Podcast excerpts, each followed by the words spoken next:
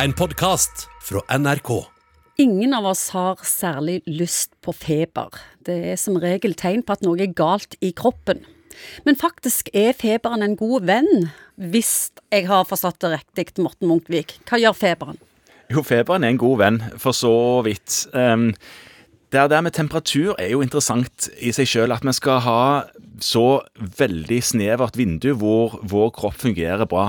Sånn 37 pluss minus litt, grann, som er vår optimale temperatur. Blir det for varmt, så alle som har stekt egg, eh, vet hva som skjer med proteiner når det blir for varmt. Det skifter form. sant? Egget stivner i pannen. Det skjer. Eh, og proteiner er noe av det som gjør at alle funksjonen i kroppen vår går sånn som det skal. Det er proteiner som gjør.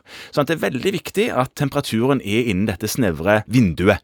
Og Dette er det gjort mange studier på, f.eks. ett hvor en hadde en som jogga maraton. Først begynte på minus 45 grader, minus 45 grader, og så jogga på tredemølle, så økte temperaturen opp til pluss 55. Det er jo omtrent det spennet menneskene kan fungere inni der.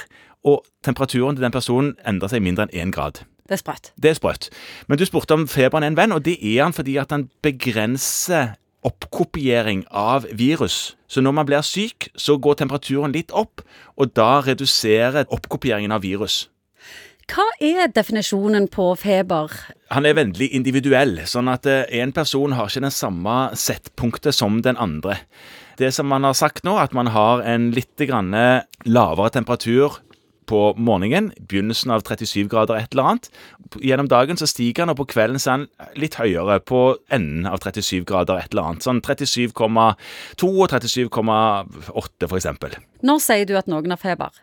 Medisinsk sett så sier en jo at de har det som heter subfebrilia, litt sånn lett feber over 38. 38, noe. Men når de har feber, så må de opp på 39 eller 38,5 opp mot 39. Da har de ordentlig feber.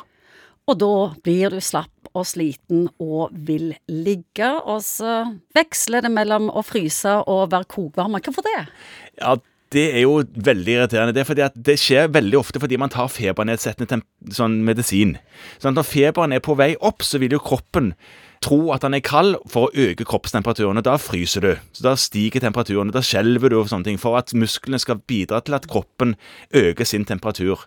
Og så på vei opp der så syns du at dette var så utrivelig at du tar en Paracet eller en Ibux eller noe sånt, og da vil temperaturen sitt settpunkt i hodet synke, og da vil kroppen tenke oi, nå var jeg fryktelig varm, og da begynner du å svette og bli varm og klam for at du skal fordampe masse varme, og temperaturen skal ned igjen. Så det er jo problemet, at hvis du begynner å ta medisiner, så vil temperaturen begynne å svinge opp og ned, og det, da må du enten fortsette å ta medisiner regelmessig, sånn at du holder temperaturen nede, eller la være, sånn at temperaturen får lov å være litt høyere en periode. Ja, Hva anbefaler doktoren? Ja, jeg syns jo at det er Hvis du kan tåle feberen din, hvis du kan tåle å ligge på 38 uten å være helt slått ut, så vil jeg nok kanskje anbefale at du bare har den temperaturen.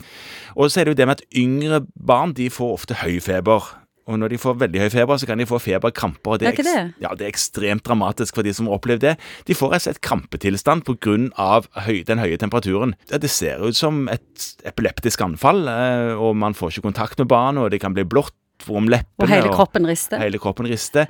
Og behandlingen er jo å ta dem ut på balkongen eller ut Nede i et kaldt bad? Ja, der det er kaldt. Ja. Da jeg var liten, så målte vi alltid temperaturen i rumpa. Nå på film og nå til dags så føler jeg dette skjer i armhulen eller munnen. Hva er best?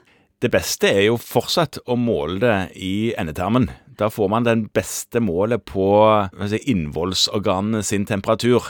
Men eh, det er ganske gode febermålere nå som måler i øret og på pannen og sånne ting, men er, det, er en, det er en tilnærming til kroppstemperaturen. Gullstandarden er fortsatt rektaltemperatur. Du har hørt en podkast fra NRK.